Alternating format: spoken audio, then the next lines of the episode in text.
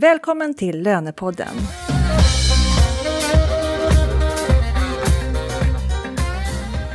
Jag heter Katarina Sand och jag arbetar på rekryteringsbyrån Wise Professionals som bland annat hyr ut och rekryterar lönekompetens. Lönepodden gör vi i samarbete med SRF-konsulterna och Knowit Insight HRM. Det har varit en annorlunda och tuff vår för många med tanke på coronasmittan, både privat och arbetsmässigt. Och du som lyssnar och jobbar med löner har haft mycket nytt att hantera. Inför varje höst så brukar det infinna sig en sån här härlig nystartskänsla. Men undrar hur det känns inför den här hösten? Det ska vi prata om. Och hur man hittar sin motivation och sin arbetsglädje. Vår gäst idag är Annika R Malmberg, en av Sveriges mest uppskattade och anlitade föreläsare på temat att hjälpa människor att nå framgång och förbättra sina relationer med arbetskamrater, familj och vänner. Välkommen Annika! Tusen tack! Min bisittare är Senny Sjölund, branschansvarig för lön på SRF-konsulterna. Välkommen! Tack, tack! Annika, vad roligt att du är här som vår gäst idag. Tack så mycket! Du är ju en superkommunikatör åker land och rike runt och håller föreläsningar i vanliga fall. Mm, och du är författare till en rad böcker. Mm. Och en flitig anlitad poddgäst också. Ja, jag tycker jättemycket om att vara med i poddar, så det här är en högtidsstund. Ja, vad härligt. Tyckte du att jag ringade in ditt eh, liksom, ämnesområde på ett bra sätt? Ja, ja men det gör du. Jag gör ju många olika saker, men framför allt så är jag ju föreläsare. Det är det jag gör mest. Och eh, den här senaste tiden som har varit, ja sommaren är det alltid, ja det är inte så mycket, men på våren har det inte varit så mycket föreläsningar som det brukar vara. Jag hade faktiskt ett uppehåll på 11 veckor mm. när jag stod framför en riktig grupp. Och det är ju ganska unikt. Men mycket digitala föreläsningar då. Så får man göra annat. Mm. Du har ju en rad teman, men det handlar ändå om att hitta motivation och arbetsglädje. Kan det vara den röda tråden i det du föreläser ja, om och skriver om. Ja, jag skulle säga att den riktiga röda tråden handlar om relationer, alltså vad som händer mellan människor, i mötet mellan människor. Både, ja, framförallt då på jobbet, i arbetsgrupper och med kunder och med chefen och liknande.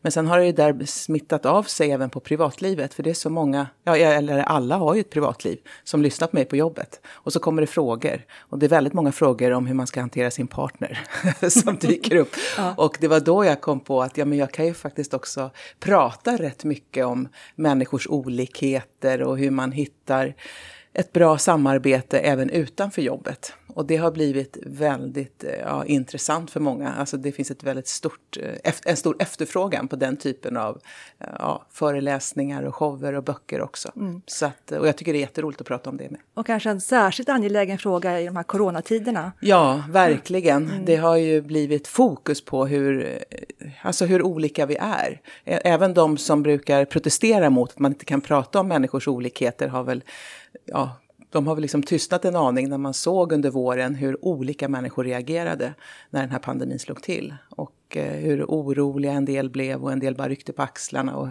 ja, allt det här med hur man hanterar en sån här kris får man väl säga. Mm. Och det är ju rätt typiskt. Människors olikheter kommer ju fram när vi är under press. Och sen det här att man jobbar hemma, som väldigt många gör. Jag tror säkert många som lyssnar på den här podden också har gjort det eh, under en lång tid. Och det är ju också annorlunda. Dels att man har kanske familj och partner hemma, nära sig på ett sätt som man inte brukar ha. Och eh, det är ju en press. Även om det kan vara härligt på många sätt så kan det också vara att man bokstavligen går på varandra. Och då händer det lite spännande saker. Mm. mm. Och det är säkert långt till det vi är vana till, alltså vi, vi är inne i ett nytt normalt läge, ja. brukar vi prata om. Mm. Eh, men det gäller liksom att eh, hitta den här nystartskänslan som, man brukar, som brukar infinna sig efter sommaren inför hösten. Mm. Och hitta tillbaka till motivation, arbetsglädje. Det är många företag som brukar ha kick-offer i början av hösten och det mm. kommer mm. kanske inte vara på samma sätt nu. Nej. Så att, och då är det passande, för du har ju en, har ju en föreläsningsserie och en av dem, det handlar ju om tändvätska, att hitta sin, hitta sin tändvätska och du har även skrivit en bok på det temat. Ja. Så det där ska vi prata om idag, hur hittar man sin tändvätska nu då? Just det. Mm. Vad är receptet på din tändvätska, Annika? ja, men alltså det, ja, den här titeln Tändvätska som kom på boken som då har kommit eh, i våras här så kom den ju i en ny ett nytt format. Det är ju för att eh, vi tänder till av olika saker och det är lätt att glömma bort. Det vanligaste felet vi gör i relationer på arbetsplatser, som chefer, som föräldrar, det är att vi utgår från oss själva. Och det är särskilt viktigt när det gäller motivation, att jag tar ansvar för vad behöver jag? Och det handlar om självinsikt, att jag lär känna mig själv och vet vad jag behöver, men sen också kan bli tydlig med att tala om det. Så det hoppas jag att vi ska kunna prata om idag. Hur jag kan bli bättre på att tala om för mina arbetskamrater, min chef, kollegor, kanske också hemma, att det här behöver jag. Jag kanske kommit till insikt nu också. Och jag, nu under den här tiden när jag fått mer att, stund att reflektera över vem jag är och vad jag behöver och så. Och jag ska ju också säga det att alla tycker inte det är jobbigt att jobba hemma. Det finns ju ganska många som jag vet säger att det här har ju varit rätt, ja, rätt bra för mig. Att jag äntligen får tid att landa i att jobba mer själv. Och inte bli störd av allt jidder och pladder och sådär. Men det är väl också en förändrad relationsbas, som man säger. Så jag tänker att när man sitter i de här olika digitala mötena till exempel och man får lära sig att man måste få alla att komma till tals. Mm. Om man jämför det med ett annat typ av möten när du sitter fysiskt så brukar det ju ofta vara att någon tar ju mycket plats. Just det. Och jag tänker att det måste ju också skapa andra typer av relationer när man väl kommer tillbaka för man har ju fått ett annat sätt att ja. få en samverkan. Just det. Som är, jag tänker att någon som man kanske inte har lyssnat så mycket på som när man har insett att det, det är de, man pratar också extroverta och introverta ja. personer och att vi har relationer och man har förväntan på olika personer och att det här har ju satts på ett annat sätt när vi sitter och möter varandra digitalt. Helt rätt. Jag tror många har faktiskt fått en otroligt bra träning i att eh, ta in hela gruppen. Mm. Och vi har väl också sett att det blir så tydligt i ett digitalt möte att eh, man behöver ha en moderator som faktiskt också ibland mutar vissa. Eller du vet sådär, mm. nu stänger vi ner kameran på er, nu får inte ni synas. Och många har upptäckt att det är ju enormt effektivt och bra för hela mötet.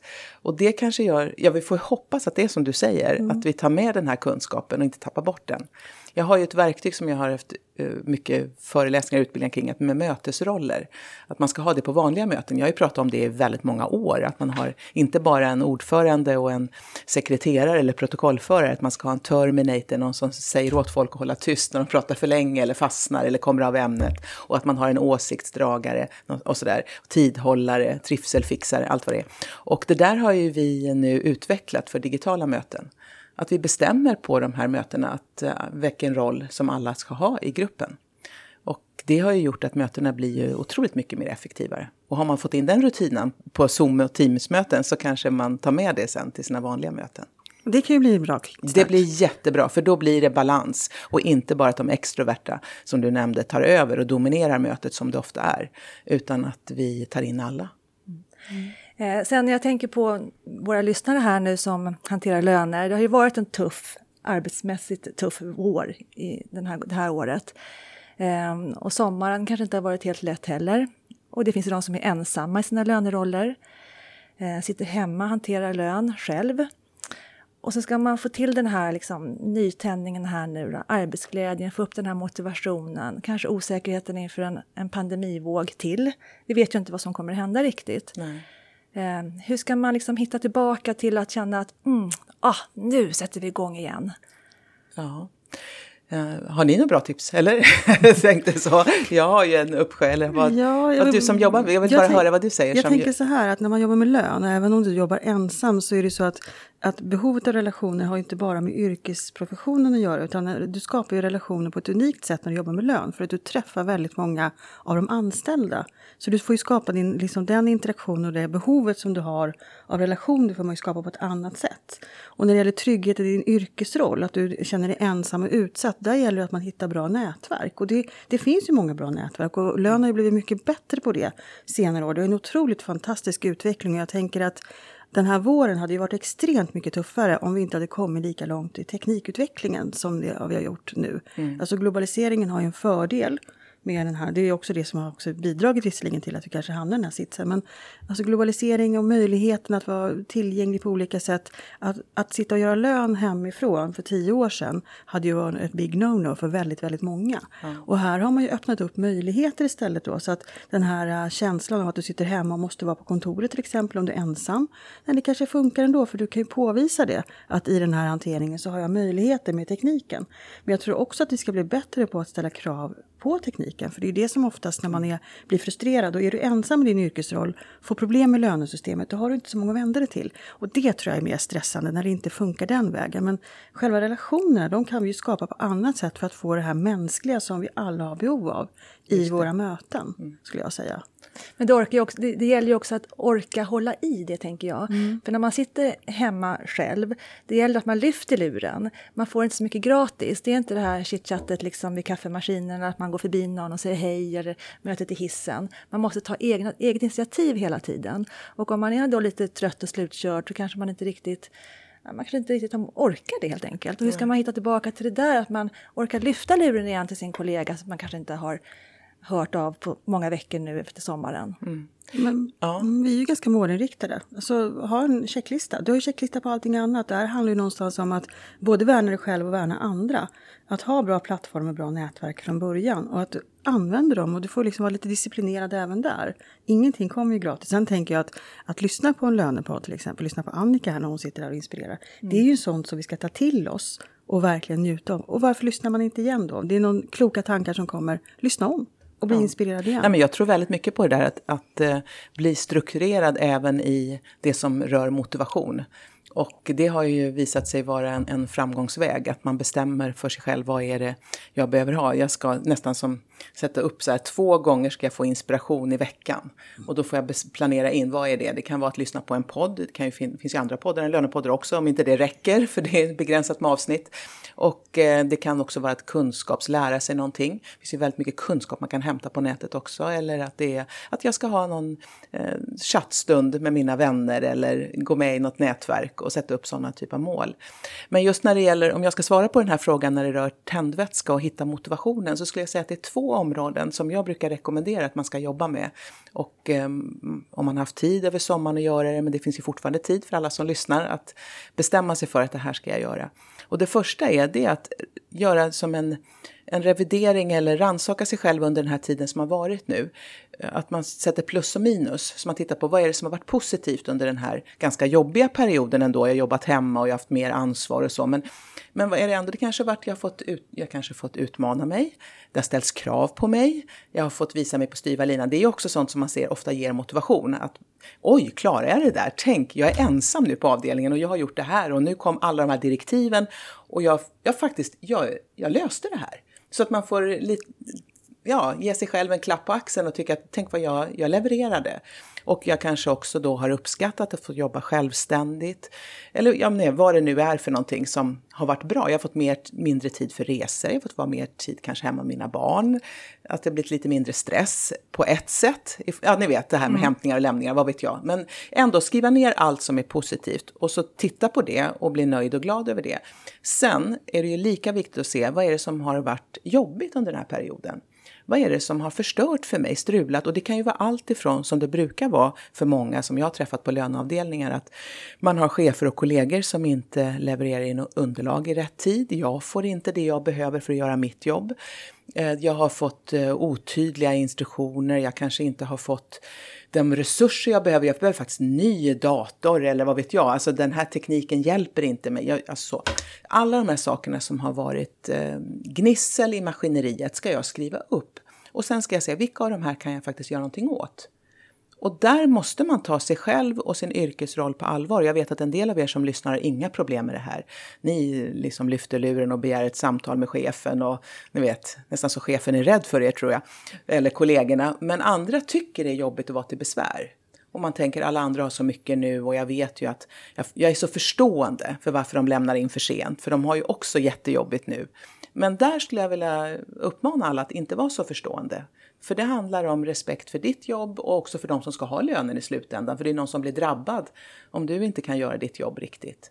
Så att man också sätter upp en lista på saker som jag ska åtgärda. Det här ska jag ta och här finns det verkligen en möjlighet för lön att steppa fram. Ja. Ta mm. initiativet och berätta det här behöver jag för att kunna utföra mitt jobb på Just rätt det. sätt. Ja. Och det är få tillfällen som faktiskt lön har varit så fokuserat kring ett åtgärdspaket till exempel som ja. kom under våren. För att i alla paket i princip som har kommit från regeringen så har ju lön någonstans fått en relevans. Ja. Och också en tydlighet i att det här är viktigt att det här blir rätt. Ja. i den här hanteringen. För nu, det vi brukar ju säga att man har stort ansvar, men det kanske har tydliggjorts också i det här regelverket. Mm. Ja, för det är en sån trygghet för människor. Alltså det här bastryggheten är ju att lönen kommer. Det är ju det här att den, att den kommer varje månad då hela tiden.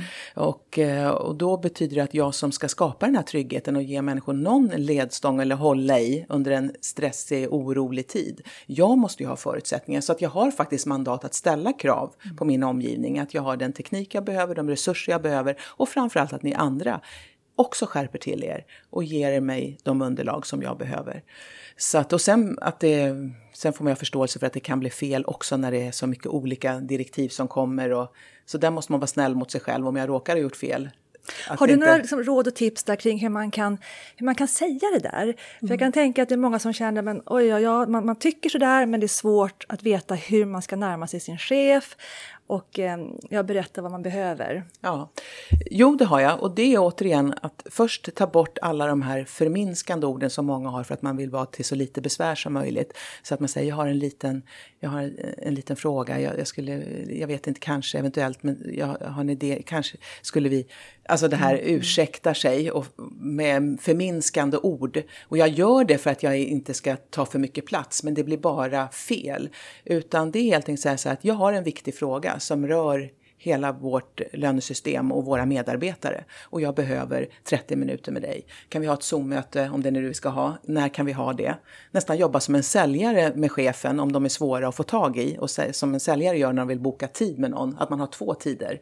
Så att man, man skriver i ett mejl till sin chef eller ringer upp eller vad man nu gör eller chattar och så säger så här att jag har en viktig fråga. Så hur jag ska kunna sköta mitt jobb på ett bra sätt i höst. Och eh, jag behöver 30 minuter med dig. Ska vi ta det på måndag vid tre? Eller är det bättre på tisdag vid klockan ett? Att ta initiativet, Mm. Ja, och ha taktpinnen. två tider. Alltså så här att föreslå, för då skapar man också ett utrymme för chefen att kunna vara med, eller kollegan då, att eh, få påverka vilken tid vi ska träffas. Men alternativet att inte ta det här med mötet med mig finns inte. Och den är väldigt effektiv och att man också är tydlig. Och sen kan man också um, vädja till en form av känsla av att du behöver ställa upp för mig. Att säga så här, jag har, eh, jag har verkligen jobbat mycket i vår och det tror jag att du vet. Och sen kanske ja. också faktiskt eh, ta upp det som har blivit fel och vad det kanske har kostat till och med. Mm. Att man kan visa svart på vitt att det här, kommer, det här händer om inte jag har rätt underlag.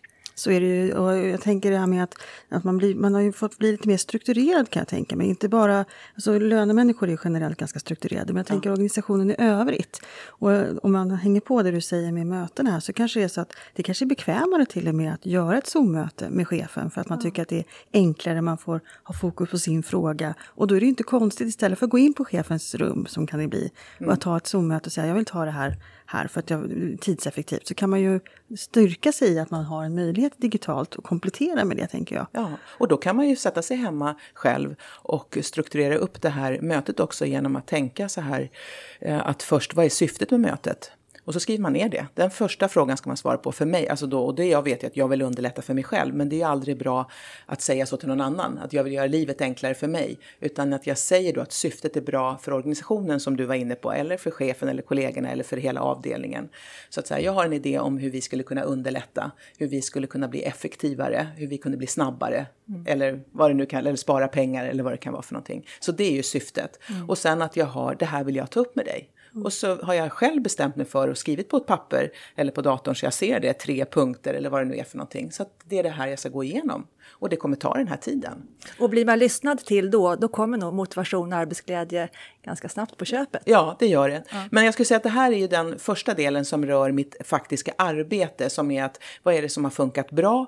Ta vara på det och vara glad över det och se till att få göra mer av det då. Och vad är det som har funkat sämre och åtgärda det, ta ansvar för att det blir en förändring. Jag brukar säga att du behöver ge andra din bruksanvisning, alltså det här behöver jag, för folk är inte tankeläsare. Och de, du, kanske du tycker det borde de förstå, hur mycket jag har jobbat. De borde förstå att jag behöver hjälp med det här. Nej, folk fattar inte det. De har fullt upp med sitt eget. Så du behöver tala om det. Det gäller ju även för övrigt i relationer samma sak där. Ja.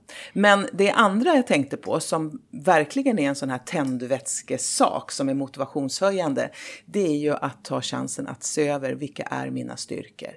Eh, alltså jag, har, eh, jag kan säga att det här är en övning som jag gör med alla oavsett vem jag coachar, om det är en sekreterare, någon på lön eller en chef eller projektledare så har jag märkt att den här övningen, och bland unga människor också, att man under en vecka, det här är en övning som alla kan göra, att man under en vecka varje dag skriver ner vilka av de här arbetsuppgifterna idag tyckte jag om att göra? Vad var det som var roligt idag? Vad var det som hände idag som gav mig kraft och energi? Då kan man göra en notering varje dag innan man går och lägger sig och på fredagen så summerar man det.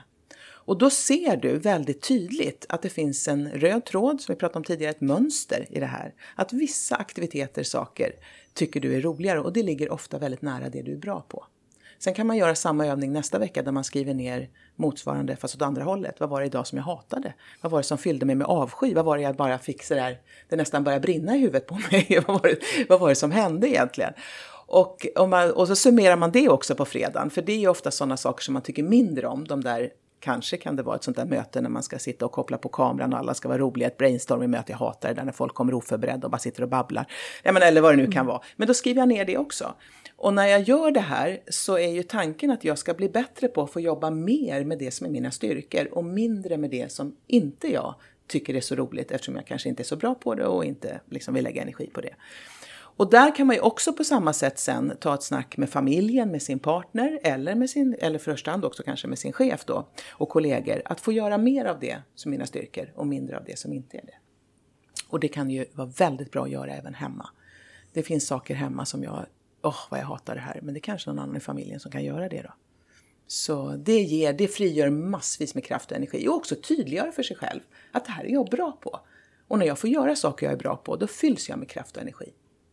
Jag tänker på det du säger den där när man tar andra veckan då, när man ska tänka på sånt som man inte tycker är lika utvecklande. Ja. Där kan man ju också se att det kanske är någonting som är av organisatorisk karaktär ja. som gör att man kan bidra till att det faktiskt blir bättre för fler Just det. Eh, ja. i den här hanteringen. För det är ju, oftast är det ju, det är ju någonting som ligger i någon kultur ibland också i organisationer. Att man någonstans jobbar på ett sätt som att man, den som, har, som hörs mest får mest plats och, mm. och de delarna. Så jag tänker att det är ju jätteviktigt som du säger att man identifierar det att man in, ta tag i dem. För oftast är det ju så att man kanske ändå bara gör dem för att man ja.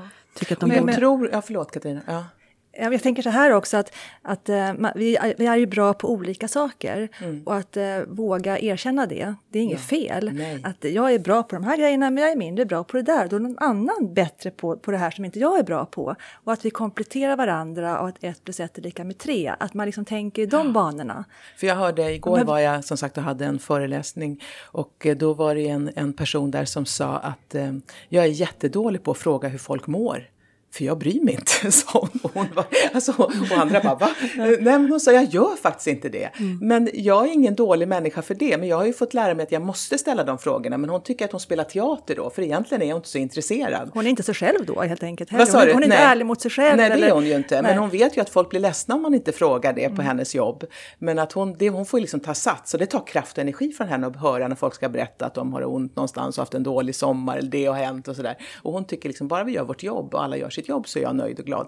Men det, hon är, sa ju också, jag vet ju att det här är en svaghet. Och det var ju skönt för de andra att höra att hon är medveten om att i det här läget är inte hon bra. Sen är hon en doer och hon är exekutiv och hon får, ja ni vet, alla de där har hon som styrkor. Men där har hon en svaghet. Sen kan man ha en kollega som är jättebra på att fråga hur folk mår och är verkligen intresserad och lyssnar och har ett stort hjärta. Men den personen kanske inte är lika bra på att driva på eller säga vad de tycker i alla lägen. Och då kan man ju, det är härligt när den personen kan säga att jag vet att det där är inte jag så bra på, där behöver jag hjälp. Ni måste fråga mig ibland vad jag behöver hjälp med, för jag är inte så bra på att säga det. Och här har ju chefen, ledarskapet sätts, sätts ju på prov här och i och med coronan här också när man inte ser varandra varje dag, mm. att man kan se de här styrkorna ja. när alla sitter hemma också och försöka få till en bra arbetsgrupp. Det ja, är inte precis, helt lätt. All, att alla behöver olika saker och liknande. Så att det är ju eh, det, det är fantastiskt när man märker att en grupp blir medveten om att vi är olika. Jag säger att mycket handlar om det som jag inledde med att säga, självinsikt. Att jag lär känna mig själv och att jag också förstår varför jag reagerar som jag gör. För att jag märker ju, vad det jag skulle säga förut, att jag märker att en del människor blir irriterade och är på dåligt humör och blir liksom stingsliga som man säger. Det kan ju rikta sig mot partnern och barnen eller grannen eller hunden eller vem vet jag. Men de har inte riktigt koll på varför de är så stingsliga. För det är egentligen någonting annat som har triggat det. Det är något som har hänt idag som fortfarande sitter kvar. Och det är det där man måste lära sig att se vad var det som skapar den här irritationen och frustrationen? Kanske att jag tycker ingen tar mig på allvar. Det är det jag blir så frustrerad över. Jag tycker inte jag får den respekten. Nej, men skaffa dig den då. Istället för att du blir en satmara hemma, om det nu är det jag blir. För det är inte trevligt. Har du fler tips då på hur man kan skaffa sig den där respekten? Ja, mycket handlar ju om, som jag sa, att bli tydlig med vad jag behöver och sätta ner foten. Och det viktiga är ju att man inte uppfattas någon som bara klagar och gnäller och sitter där och bara... Utan jag måste, det är det här KIMPKML som jag... har ni hört den? Nej. När jag, var, på, jag har ju varit med så länge, men på 80-talet när jag började jobba, då hade ju män slipsnålar. Kommer ni ihåg det? Ja. Eller vad heter Slipshållare kanske det heter. Nej, Inte nål, alltså sån här mm. som en klämma. Ja. Och på mitten på 80-talet så var det jättepopulärt att det skulle vara en sån här bokstavskombination på dem. You can't do business sitting on your ass, YCDB var en som var jättepoppis. Och så fanns det en svensk variant som hette KIMP KML. Och det var ju kom inte med problem, kom med lösningar. Och det var ett sånt där budskap som man som då Mm, Mm, kunde ha på bröstet eller på magen till sina kollegor. Och jag tycker den är bra att tänka på det sättet att jag har ju ett problem, jo, men jag lä liksom lägger inte problemet i knät på mina kollegor, utan jag har ett förslag på lösning. Sen är jag beredd att lyssna på vad ni har för synpunkter på mitt förslag, för det kanske kan bli ännu bättre om ni får komma med synpunkter. Men att jag ändå har tänkt till. Att så här skulle jag vilja ha det istället. Och då tror jag att man vinner respekt också hos andra. Men sluta med alla sådana förminskade ord. Jag har en liten idé. Eh, kanske så skulle jag, jag vet inte. En del börjar med, jag vet inte. Men, eller jag vet inte. Så avslutar de sådär. Och eh, det är förödande om du ska vinna respekt. Du har inte en liten idé, du har en idé. Jag, jag, tycker om det där du säger också med att man måste sätta gränserna. Ja. För att på lön har vi ju en tendens att vilja vara tillmötesgående. Mm. För man vet ju att det är personer som står bakom den här löneunderlaget. Att det är väldigt mycket som kan spela in på att man inte får det man förväntar sig och så. Så där tänker jag att eh, om, om man då har svårt att sätta gränser för när någon kommer och ber om att man ska göra någonting utöver det vanliga, hur, hur ska man agera då? Ja, man kan säga det vänligt. Eh, och jag tycker att det är en fantastiskt fin egenskap att man vill hjälpa och att man är förstående. Och det måste man ju vara på en arbetsplats, att ibland blir det fel och att ibland har någon glömt. Då får man ju inte vara där och vara stenhård och elak. Men jag pratar ju om de som mm. notoriskt kommer för sent och nästan utnyttjar det. Det, kan, det märker jag i en organisation.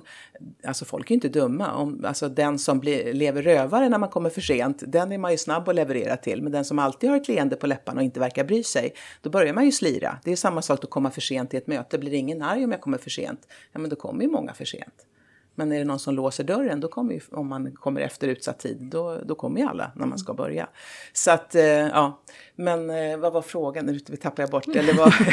Nej, jag tänker att det, man har ju, det är precis som du säger, oftast är det ett mönster att det är någon som sätter i system. Ja, just det. Alltså hur och, man, och, ja. ja. hur man på, liksom, hur kan man få... Så var det, ja. Hur man på ett, ja, men jag tycker så här att man kan ju säga en sån här sak vänligt. Man behöver inte vara elak eller dum eller arrogant på något sätt utan man kan säga du vet att jag vill hjälpa dig. Och du vet att jag vill göra ett bra jobb. Och jag vill inget hellre än det men då behöver jag hjälp av er. Så kan man ju säga, jag behöver hjälp av dig att du Alltså så här, help me to help you mm. ungefär. Som att jag måste ha de här underlagen tidigare, annars går det inte. Om man känner sig lite osäker i det här verbala, kanske inte liksom klarar av att ta det här samtalet som kanske känns lite känsligt och lite jobbigt. Går det lika bra att skriva då? Ja, det gör det ju. Men jag skulle säga att det här är väl också en sak där man kan få tändvätska och motivation genom att göra något som man tycker är svårt. Om jag vet med mig att jag har jättesvårt att sätta ner foten, jag har jättesvårt att sätta gränser, jag har jättesvårt att be om hjälp. Det kan ju bli som en egensatt begränsning. Sen så är jag det, så tror jag att jag, inte, det är klart du kan bli bra på det. Det är bara att du får anstränga dig. På samma sätt som den här kvinnan som har svårt att fråga hur folk mår. Hon får ju anstränga sig när hon är snäll på det viset. Och då får jag anstränga mig nu för att bli bra på att ta ett sånt där. Och det är jättejobbigt. Jag kallar det för ett UTB, ett upp till bevis. Människor mår jättebra motivationsmässigt av att sätta upp ett UTB ibland. Och mitt UTB skulle vara att nu ska jag ta det där samtalet med chefen. Jag hade helst velat mejla det och gömma mig i garderoben. Men nu ska jag ta ett Zoom-möte. Mm. Och jag har ont i magen, jag vill kräkas innan, men jag mm. gör det. För alla vet ju hur man mår efteråt när man har gjort det. Alltså det är, man får ju massvis med energi. Mm. Det är tändvätska. Att göra någonting som är svårt och jobbigt. Men jag skulle säga så här att förbered dig jag är ju föreläsare och jag har mycket saker jag ska leverera. Eh, många nu digitala föreläsningar som jag har kanske bara på begränsad tid. En livestreamad tid, 20 minuter i din slott. Då vill jag ju, jag vill nail it och då tränar jag. Så jag tränar och tränar och tränar.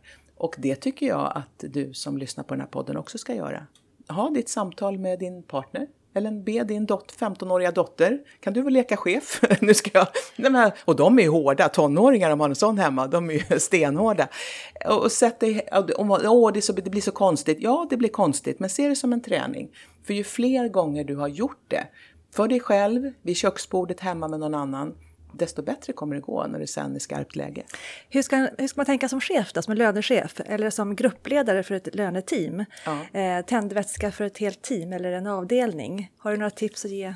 Ja, det skulle väl vara att jag gör den här Igår när jag hade en föreläsning då så hade jag en övning som är att man får också ge varandra uppskattning. Eh, och det är ju en sån här sak som kan vara väldigt bra om vi nu börjar med att alla får beskriva vad jag tycker att jag har för styrkor. Om vi tar en sån övning till exempel. Och eh, att man går laget runt och får beskriva det, att man också kan tala om för varandra vad man uppskattar i vad du gör. Inte sådär, åh jag tycker du är så snäll och rar och vänlig, utan mer i sak det du gör. Den typen av feedback. Vet du Katarina, jag uppskattar när du skickar de här mejlen till mig i förväg och de alltid är så strukturerade. För mig är det det, det jag upplever som så professionellt. Jag blir trygg när jag är med dig. Alltså så här, att man hela tiden levererar feedback till varandra och det är en övning som verkligen ger tändvätska till en grupp. Och det är folk som säger till mig att jag visste inte att hon tyckte om mig. Eller jag visste inte att han uppskattade det jag gör. För det. han eller hon har aldrig sagt det. Och nu plötsligt säger vi det till varandra. Och det ger massa kraft och energi. Men mycket tror jag är att upp, göra människor uppmärksamma på hur olika vi är. Och att vi behöver olika saker. Ge varandra, göra den här övningen med bruksanvisning. Mm. Det, här, så här, så här, det här är jag, det här behöver jag, det här behöver jag inte. Vi hade ju med Pia Scherman, lönechef ja. på Arla Foods, här i ett avsnitt i våras. Just det. Eh, där hon berättar att hon tycker att hon har lärt känna sina medarbetare ännu bättre genom de här digitala mötena. Nu under coronatiden? Under coronatiderna. Ja. Mm. Mm. För att det blev mer fokuserat, hon kunde, det blev mer en och en. Eh, man, man kommer till tals på ett annat sätt. Ja. Eh, och det är många som säger också att det här bara att man får se hur folk har det hemma. Mm. Att det ger en annan bild av dig. Att jag får se, jaha, ser det ut så i ditt kök eller arbetsrum? Mm. Har du en katt eller en hund? Eller, mm. och plötsligt kommer deras barn kanske in där förbi. Alltså det blir någon... Man kommer lite närmare. Lite närmare. Mm. Folk släpper garden en mm. aning. Och det har också visat sig vara att oj, det här var ju jättetrevligt. Mm. Eller vad fint. Och vi, som sagt, vi är ju olika bra på att dela med oss av vårt privatliv och vem vi är. Och eh, en del är ju väldigt obekväma i det och tycker inte att det hör hemma på jobbet. Men det är ändå så att en del av det är viktigt för att vi ska känna en trygghet med varandra. Så det tror jag absolut kan vara mm, positivt. Nu ska vi försöka runda av det här avsnittet. Nej! Sen, vad, vad, säger du? Något take här som vi har fått med oss från Annika som berör just, som du kan lyfta fram, som berör just lön? Jag tycker det är mycket kloka saker som kommer mm. fram. Och, och man, man, man, förstår ju, många av sakerna är ganska, ganska tydliga och när du säger det så är det så enkelt. Men ja. det är också att kunna, att kunna göra det. Jag tycker om det där när man ska utmana sig själv. Att man också, vi är ju målinriktade många av oss. Att man liksom ser över att man gör den här listan, checklistan på vad jag ska göra. Ta den här eh, utmaningen som du har. Eller se till att du gör de här. och att att du tydliggör vad du är bra och dålig på. Jag, jag tycker det är väldigt bra. Och sen, en, precis, och sen det här känna ja. att ja, men den här coronavåren som har varit, att tusan vad, vad, vad mm. bra vi hanterade det här på lön och vad bra det gick med alla de här förändringarna ja. som kom. Alltså det, otroligt vilket jobb lön har gjort. Ja, alltså. fantastiskt. Alltså. Och, och man under den pressen. tar med sig den och, ja. känner, och sen mannar upp nu. Nu har man ju mm. chansen att verkligen ta det här samtalet, att vad man behöver för att kunna göra ett ännu bättre jobb. Ja. Ta chansen där ute. Mm. Jag, tror att, ja. jag tror att det här, är, det här är läget att visa på att lön verkligen, verkligen är viktigt. Och det, mm. det tror jag att många har förstått eh, i de här. Och det har kommit in i andra typer av forum också. Det har liksom uppmärksammats på ett annat sätt. När lönekostnader helt plötsligt tydliggörs vad de är viktiga för företagen till Mm. exempel. Så att här ska man styrkas av att vi har en viktig roll Mm. och en otrolig kompetens. Och det ser man faktiskt, det måste jag bara lägga till, när man har gjort de här eh, förslagen, vad lite lönekompetens det finns. Mm. Och när det här ska omsättas i praktiken, vad många har fått jobba och slita för att få till det här på ett bra sätt. Så att Mm. det här är en, en kompetens som måste värdesättas bättre. Och där man ser, eh, jag tänker ta med den här våren som har varit. Någonstans precis så, så finns det ju en baksida och en framsida av saker och ting som händer. Men i de här positiva sakerna, tänk vad ni faktiskt har klarat av. Det är helt fantastiskt. Ja, helt Får jag fantastiskt. lägga till där? En, så har vi, för jag vill Absolut. säga det att ehm, vi pratar många gånger om att man ska synliggöra olika typer av avdelningar och funktioner och så. Och då får man ju, det här måste man ju komma ihåg att en del människor är ju bättre på att synliggöra sitt eget arbete. Och då säger jag i termer av att skryta att tala om hur bra man är. Och en del har väldigt lätt för det. Och tycker det är så självklart och önskar att alla kunde tala. Ja, men tala om själv vad du är bra på, säg vad du är bra på som jag nu säger. Tala om dina styrkor. Och en del är så fruktansvärt obekväma i det här. Och det är också en personlighetssak. Att en del är mer skrytiga. Och andra skulle aldrig skryta. Eh, och jag vill verkligen uppmana alla som lyssnar att om du nu tycker att det är jobbigt att skryta, man ska inte förhäva sig och det här. Så finns det ju en risk med det att, sen, att man blir osynlig. Och att kompetensen, att någon som inte har så mycket kompetens får mer uppmärksamhet än den som faktiskt har det. Och på så vis som du säger nu, Sinéa, så är det ju jättebra med att nu har ju man fått hjälp med att bli synliggjord. Men jag skulle säga att eh, rid på den vågen och sträck på dig. För det är så otroligt tydligt hur skickliga alla som jobbar på lön är nu. Och då behöver man stå upp för det också och tänka att ibland måste jag skryta. Eller jag skryter inte, jag bara talar om att jag finns här. Ni kan vara trygg med mig. Jag är stabil. Åh, vilken härlig avslutning. Tack Annika R Malmberg för din medverkan och Tack tack. Senni. Vi hörs igen och tack Henke Branneryd på Hälsokommunikation, vår härliga poddproducent. Vi hörs igen, hej då! Hej då!